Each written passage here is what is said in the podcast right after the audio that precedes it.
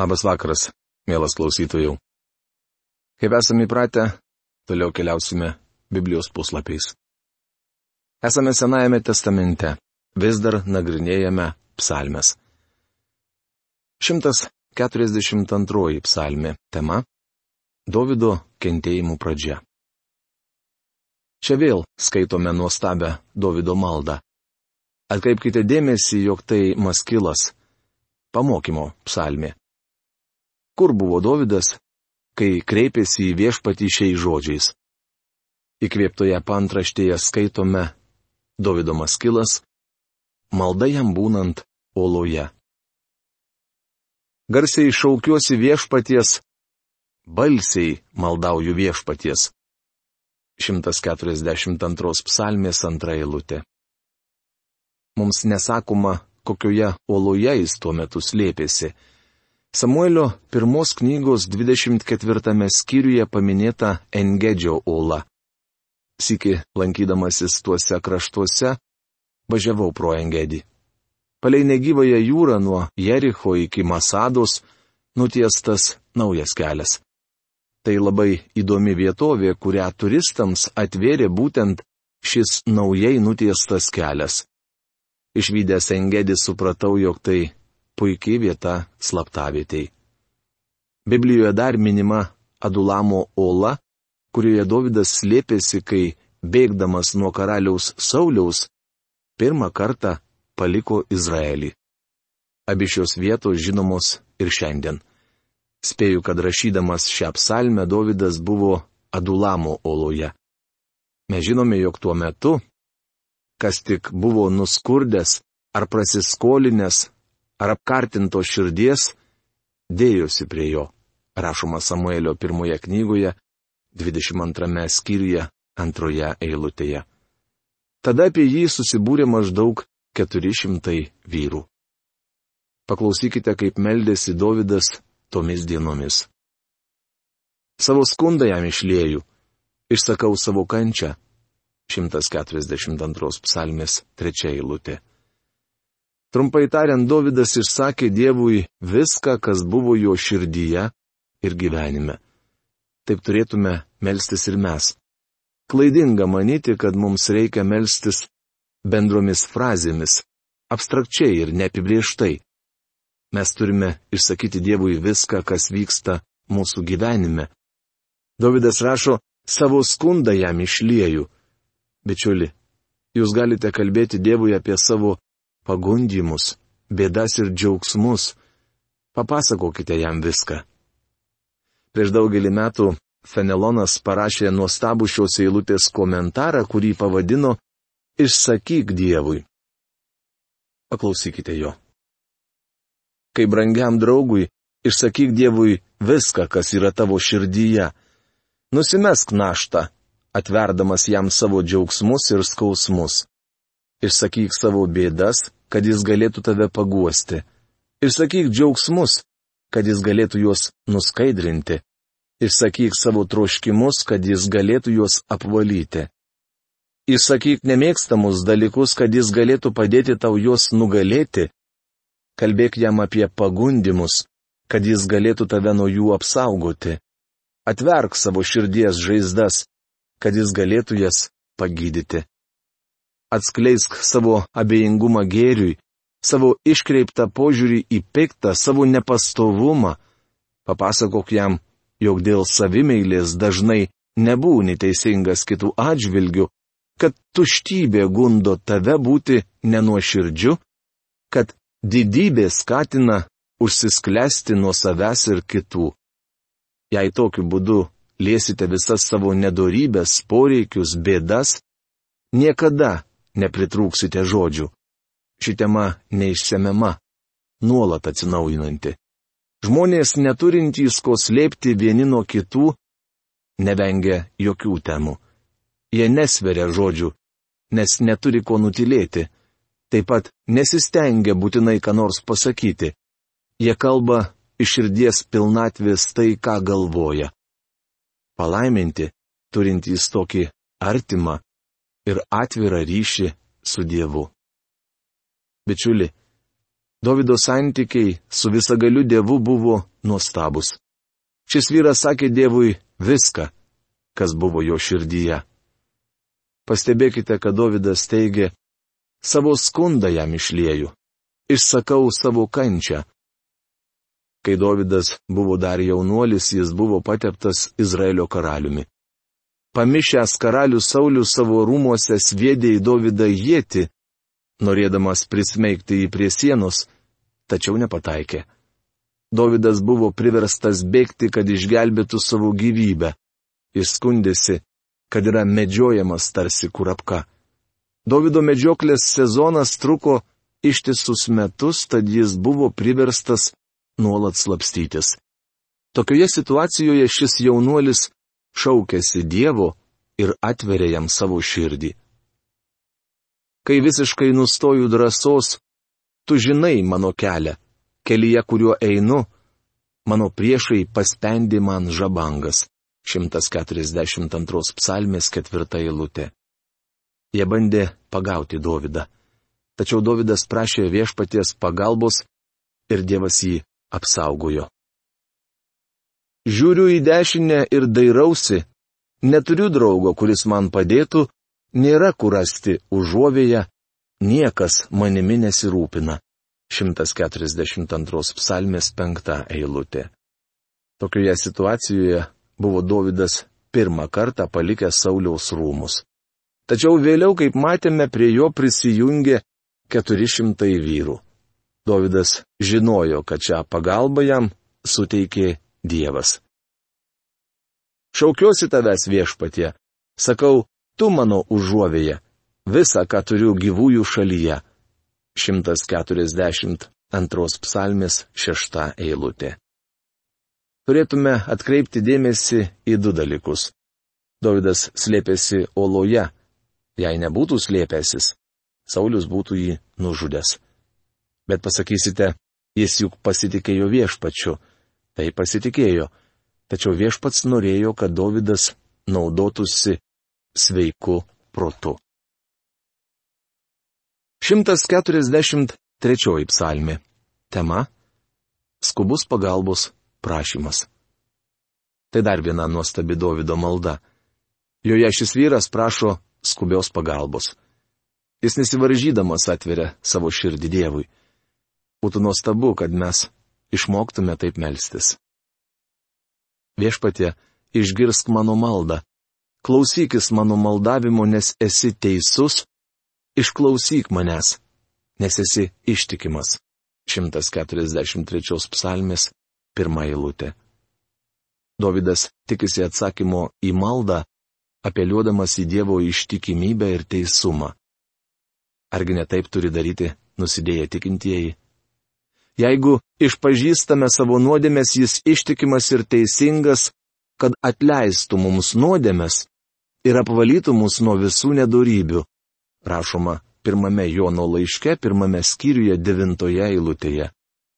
Jis ištikimas ir teisingas arba teisus. Mes lygiai taip pat kaip Davidas kreipiamės į Dievą, žinodami, jog jis ištikimas ir teisus. Šioje psalmėje užrašyta iš tiesų nuostabi malda, taikytina jūsų ir mano gyvenime. Bet to čia girdime Izraelio tautos maldavimą negandos dieną, jie su viltimi šauksis Dievo pagalbos. Ir Dievas jų nenuvils. Dievas nepaliko Izraelio. Pranašo Michėjo knygos 7 skyriaus 20 eilutėje skaitome. Tu parodysi ištikimybę Jokūbui, ištikimą meilę Abraomui, kaip esi prisiekęs mūsų protėviams senovės dienomis. Išėjimo knygos antros kiriaus 24-25 eilutėse mums sakoma, išgirdęs jų dėjonę, Dievas atsiminė savo sandūrą sudarytą su Abraomu, Izaoku ir Jokūbu. Dievas pažvelgė į Izraelitus ir atkreipė į juos dėmesį. Kodėl Dievas atkreipė dėmesį į Izraelitus? Todėl, kad jis ištikimas ir teisus. Laiške romiečiams Paulius įvardyja šiandieninę Izraelio problemą. Nesuprasdami Dievo teisumo, Jie bandė nusistatyti savą ir todėl nepakluso Dievo teisumui, rašoma romiečiams laiško 10 skyriaus trečioje eilutėje. Pagonių bėda ta pati. Jie puoselėja religiją, stengiasi padaryti ką nors, kas patiktų Dievui. Bičiuli, dėl jų Dievas jau daug padarė. Jis siuntė savo sūnų numirti ant kryžiaus ir tokiu būdu prisimti bausmę už nuodėmę. Jei norite patikti Dievui, priimkite, ką Jis yra dėl jūsų padaręs. Juk įstatymo tikslas - Kristus. Atėjęs nuteisinti kiekvieno, kas tik įrašoma romiečiams laiško dešimtos kiriaus ketvirtoje eilutėje. Į tave tiesių rankas, lygi žyvusi žemė trokštų tavęs. Sela. 143 psalmės šešta eilutė. Sikį stebėjau, kaip ant smėlėtos to krašto žemės pylėsi lietus. Lyjo, lyjo ir lyjo, tačiau tai ištroškusi žemės siurbte siurbė gausų lietų. Davidas sako, lyg išžiūvusi žemė trokštų tavęs. Dabar pasiklausykite psalmininko šauksmo. Skubėk man atsakyti viešpatie, neviltis mane apėmė, neslėpk savo veido nuo manęs, kad netapčiau panašus į tuos, kurie žengia į kapą. 143 psalmės 7 eilutė. Davidas sako Dievui, tu mano vienintelė pagalba. Saušra atskleisk man savo ištikimąją meilę, nes tavimi pasitikiu. Parodyk man kelią, kuriuo turiu eiti, nes į tave keliu savo širdį. Išgelbėk mane viešpatie nuo priešų, nes pas tave bėgu, ieškodamas užuovijos. Mokyk mane vykdyti tavo valią, nes tu mano Dievas. Te veda mane lygių taku, tavo maloningoji dvasia. 143 psalmės 80 eilutės. Matome, kad Davidas pasitikė Dievu kaip savo vienintelę užuovėją ir viltimi. Mokyk mane vykdyti tavo valią, nes tu mano Dievas. Taip kasdien turėtų melstis kiekvienas Dievo vaikas. 144 psalmė. Tema šlovė ir padėka Dievui už tai, koks jis yra. Tai dar viena Davido psalmi. Jos turinys vietomis primena 18 psalmę, kuri pradedama taip. Myliu tave viešpatie mano stiprybę, viešpats mano uola, mano tvirtovė, mano gelbėtojas, mano Dievas, mano uola, kur randu pastogę, mano skydas ir mano išganimo jėga, mano pilis rašoma. 18 psalmės antroje trečioje eilutėse. Vėliau toje pačioje psalmėje Davidas sakė, savo skausme šaukiausi viešpaties, prašiau savo Dievo pagalbos. Jis išgirdo mano balsą savo šventykloje ir mano pagalbos šauksmas pasiekė jo ausis. 18 psalmės šešta eilutė. Ši psalmė buvo parašyta po vieno iš daugelio atvejų, kai Davidas buvo išgelbėtas nuo karaliaus Sauliaus rankos. Joje pranašiškai kalbama apie būsimasias Izraelio vaikų kančias didžiojo suspaudimo metu. Baisaus vargo dieną jie šauksis Dievo maldoje. Maža to, ši psalmė taikytina visiems šventiesiems gyvenusiems ar dar gyvensentiems nuo Davido laikų iki didžiojo suspaudimo. Te būna šlovinamas viešpats mano uola. Jis lavina mano rankas kovui ir mano pirštus mūšiui. 144 psalmės pirmą eilutę. Ką Davidas nori to pasakyti? Atsiras tokių, kurie to jau pat puls purkštauti. Matot, Senojo testamento Dievas karingas. Bičiuli, jei būtumėte gyvenęs Davido dienomis, kur kas ramiau jaustumėtės, žinodamas, kad esate saugomas nuo jūs supančių priešų ir kad galite apsiginti. Netikslu būtų tvirtinti, kad viešpats Jėzus Kristus buvo pacifistas. Jis suteikia žmogui ramybę ir taiką su Dievu per nuodėmių atleidimą. Tačiau jis taip pat kalbėjo, apsiginklavęs galiūnas sergi savo sodybą, Luko Evangelija 11 skyrius 21 eilutė. Taip šioje psalmėje sako ir Dovydas. Tiesa, mūsų viešpats yra ramybės kunigaikštis, tačiau jis labai aiškiai davė mums suprasti, jog iki jo sugrįžimo žemėje taikos nebus. O kol kas man daug ramiau žinant, jog mūsų tauta yra pakankamai ginkluota, aš kalbu apie Ameriką, ir gali apsiginti. Vėliuosi, kad į valdžią neteis koks fanatikas, kuris sunaikins gynybos priemonės, tvirtindamas, jog mes galime pasikliauti žmogaus prigimties geronoriškumu. Tokia samprata pavertė dulkėmis daugelį tautų. Panašios nuostatos bandė laikytis kai kurios Graikijos provincijos. Graikai buvo pasiekę nepaprastai aukštą civilizacijos lygį, tačiau jų miestai virto griuvėsiais, nes jie nesugebėjo apsiginti. Jis, mano užuovėje ir mano pilis, mano tvirtovė ir mano gelbėtojas, mano skydas, kuriuo pasitikiu, jis paveda man valdyti tautas. 144 psalmės antra eilutė. Profesoriaus Algirdo Jurieno Biblijos vertime šie eilutė skamba taip mano malonė ir mano tvirtovė, mano pilis ir mano gelbėtojas, mano skydas ir tas, kuriame prieglopsti randu, kuris man pajungė mano tautą. Tovidas sako, kad Dievas yra jo malonė arba kaip verčia kostas burbulys - gerumas. Mes su jumis teisūs galime būti tik Kristuje. Bet to Davidas sako, kad Dievas yra jo apsauga, jo tvirtovė, jo pilis, jo gelbėtojas ir jo skydas.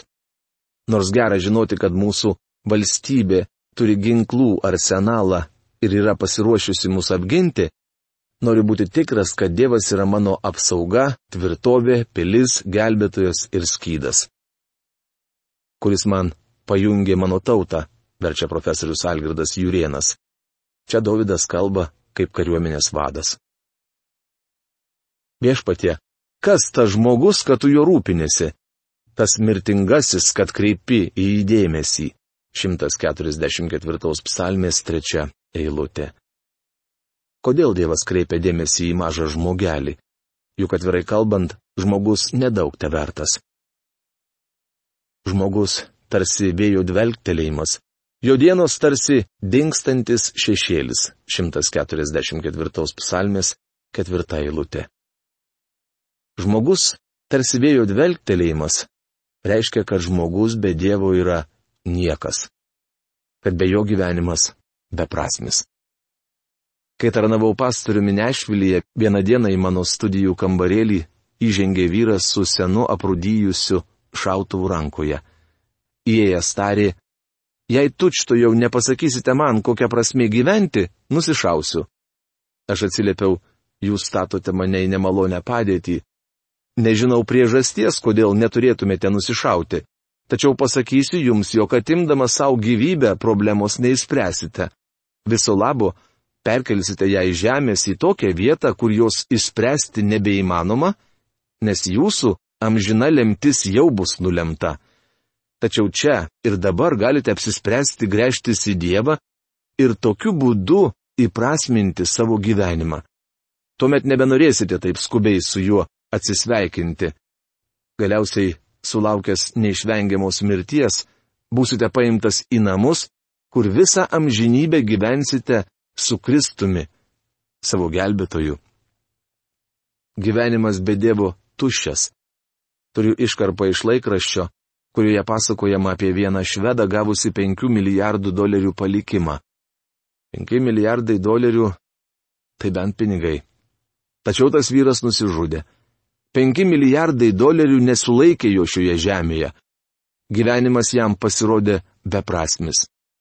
Bičiuli, be Jėzaus Kristaus, be Dievo, žmogus tarsi vėjo dvelgtelėjimas, o jo gyvenimas betikslis.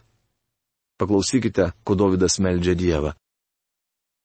Viešpatie, praplėš dangaus kliautą ir nuženk, palies kalnus ir jie ims rūkti. 144 psalmės penktą eilutę. Girdime prašymą, kad Dievas įsikištų į žmonijos istoriją. Šios žodžius patvirtina Izaijo knygos 64 skyriaus 1-2 eilutės, kur skaitome. Kaip ugnis uždega žabus, kaip ugnis užvirina vandenį, kad ir tu taip apreikštum savo vardą priešams, tautos prieš tave drebėtų. Darydamas baisius darbus, kurių mes nesitikėjome, tu nužengiai ir kalnai drebėjo prieš tave. Vieną dieną Dievas įsikiš į žmonijos istoriją. Nenoriu fanatiškai teikti, kad jis tai padarys rytoj ar per artimiausius dešimt metų, tačiau faktas, kad jis tai padarys. Svaidyk žaibus ir išblaškyk mūsų priešus, laidyk savo strėlės ir priversk bėgti. 144 psalmės šešta eilutė. Viešpats sugrįž bausti. Visame šventajame rašte, skaitant ir naująjį testamentą, kalbama, kad vieną dieną viešpats sugrįž kaip teisėjas. Vaizdingiausiai ir dramatiškiausiai šis įvykis aprašomas apreiškimo knygos 19 skyriaus 11 eilutėje. Jonas sako, aš išvydau atvirą dangų ir štai pasirodė baltas žirgas. Ant jo sėdėjo raitelis vardu ištikimasis ir teisusis. Jis teisingai teisė ir kovoja. Čia matome viešpati Jėzų Kristų, kuris išjoja ant balto žirgo kaip nugalėtojas, kad dar nugalėtų. Galbūt šis reginys jums nepatinka, tačiau taip kalbama Dievo žodyje. Tuomet sako psalmininkas, Dieve, gėdosiu tau naują giesmę, grosiu tau dešimtstygę arfą. 144 psalmis 9 eilutė. Izraelio vaikai negalės gėdoti savo Dievui šios naujos giesmės, iki pasibaigs didžiojo suspaudimo laikotarpis. Tai tokia žinia šiandien. Iki greito susitikimo. Sudė.